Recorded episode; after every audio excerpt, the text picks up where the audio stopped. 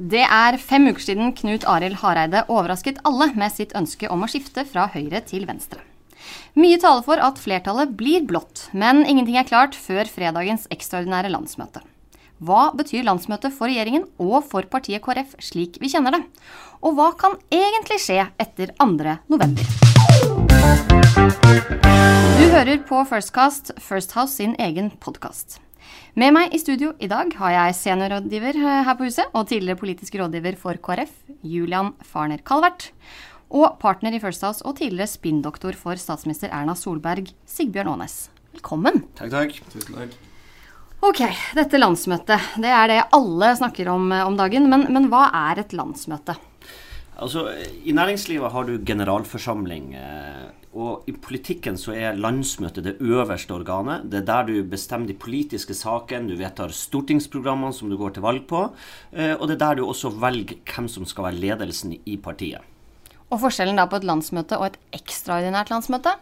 Du kan si at eh, På ordinære landsmøter så vedtar man jo både hvem som skal lede partiet, og man vedtar politikken. Så ofte kaller man det et politisk verksted. Det er der man hamrer ut eh, politikken, og man kompromisser på tvers av ulike landsdeler i partiet. Nå er det jo, Med det ekstraordinære landsmøtet så er det jo sånn at uh, det er bare én sak på dagsorden, og det er hvilket veivalg skal KrF ta.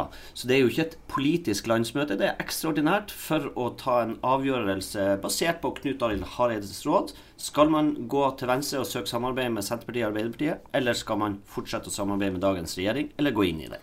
Så på landsmøtet så kommer man til å diskutere. Man kommer til å ha en tale, eller flere taler, da, både fra ledelsen, men også fra alle som er utsendinger, skal komme til å si hva de mener og, og diskutere seg imellom.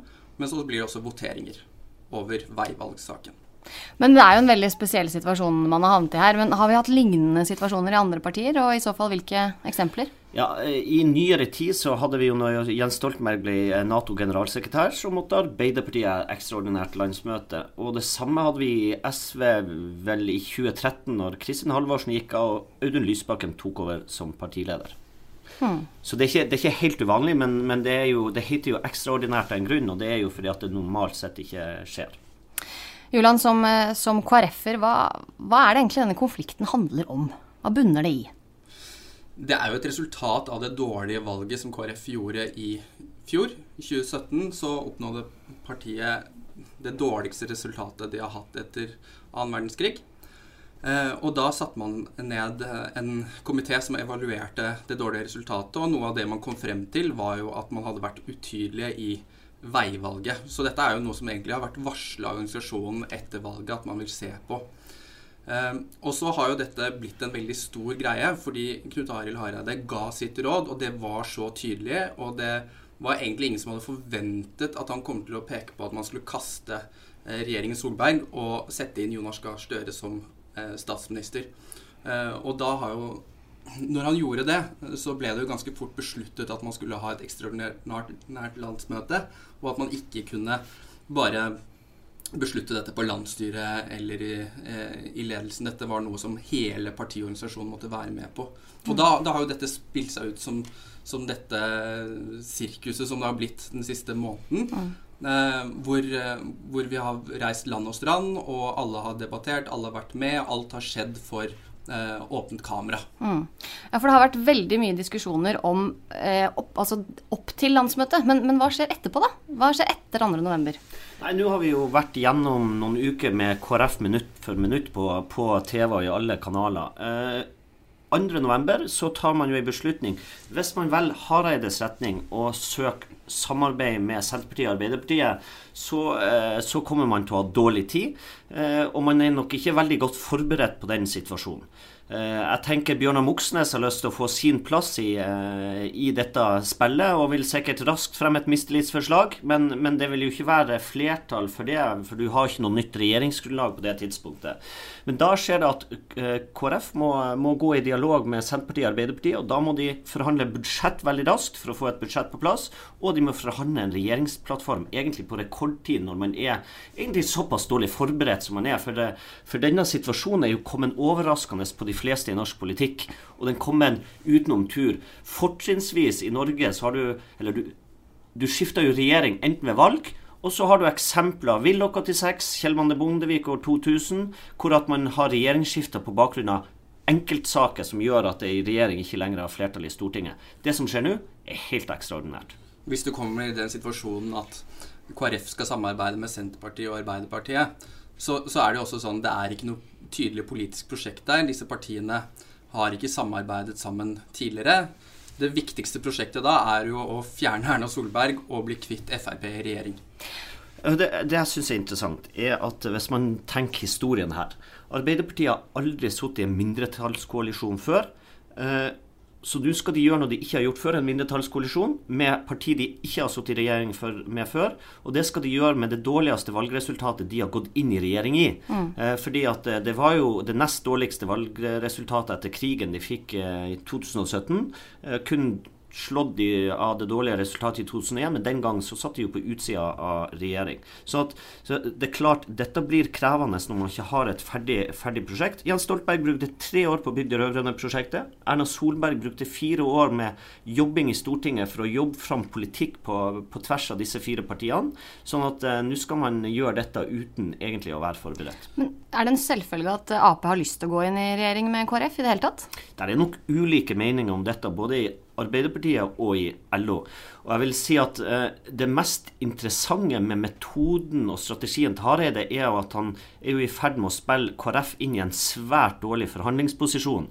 Eh, velger man Hareides vei, så, så har man på en måte allerede sagt at han må lykkes, han må inn i det samarbeidet. fordi at da har man på en måte eh, sagt nei eh, til, til dagens regjering og Erna Solberg.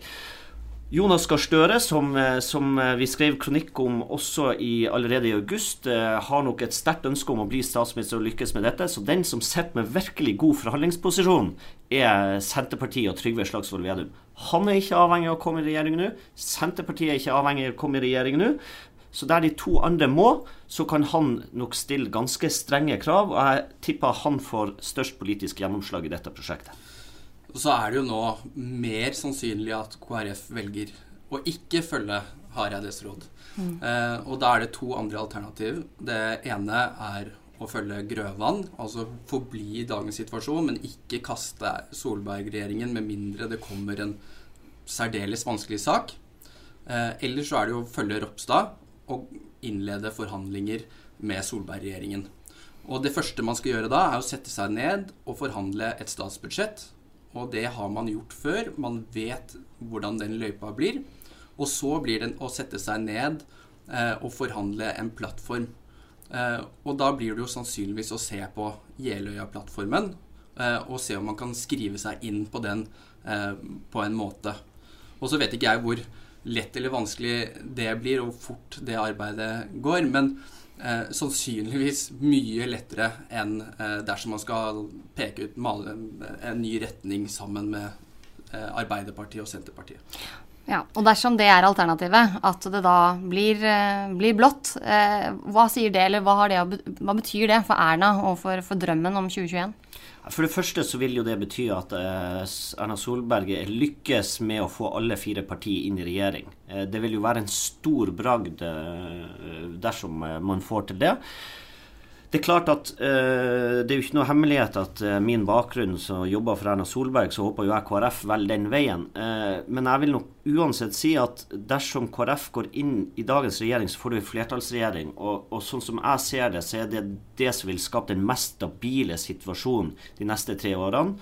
Alle andre alternativ er mindretallsregjeringer, og det vi har sett de siste månedene, er jo stadig mindre forutsigbarhet i, i Stortinget. Og, og, det er klart at for norsk næringsliv og arbeidsplasser så er forutsigbarhet viktig. Og, og jeg tror uavhengig av hva som skjer nå, så er, så er det skapt en ny eh, dimensjon i norsk politikk som gjør at, at, det kommer til å være mindre forutsigbart de neste årene enn det vi har vært vant med de siste kan du si, de siste tolv årene. Og det, det, tror jeg er viktig for alle som jobber i organisasjoner og næringsliv. Og, og vi er jo alle avhengig av de rammebetingelsene som stilles.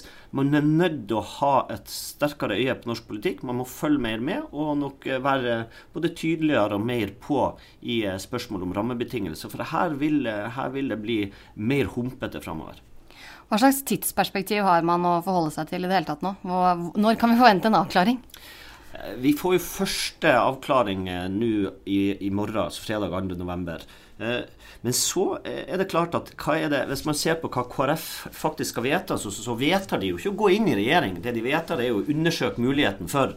Så der er, ikke, der er ikke flertall for en ny regjering eh, allerede i eh, morgen ettermiddag, kveld, natt, når de måtte bli ferdig. Det skal jo forhandles fram først. og da Dersom det blir flertall for Hareides linje, så tipper jeg at du har en ny regjering på plass dersom de lykkes med det, i, en gang i, i desember. Eh, dersom man velger andre veien, så har man nok litt bedre tid, men allikevel så er mitt stalltips da enten en gang i desember eller begynnelsen av januar. Ja. Så er det jo, uansett hvilken vei KrF velger nå, så er det jo et splitta team. Så det må foregå parallell, et parallelt løp her som går på å prøve å sette sammen eh, et nytt mannskap, hvem som skal inn i regjering, eh, hvem som skal lede partiet. Det er klart at det blir vanskelig for Hareide å fortsette som leder. Kanskje nesten uansett utfallet her, fordi denne prosessen har vært særdeles splittende.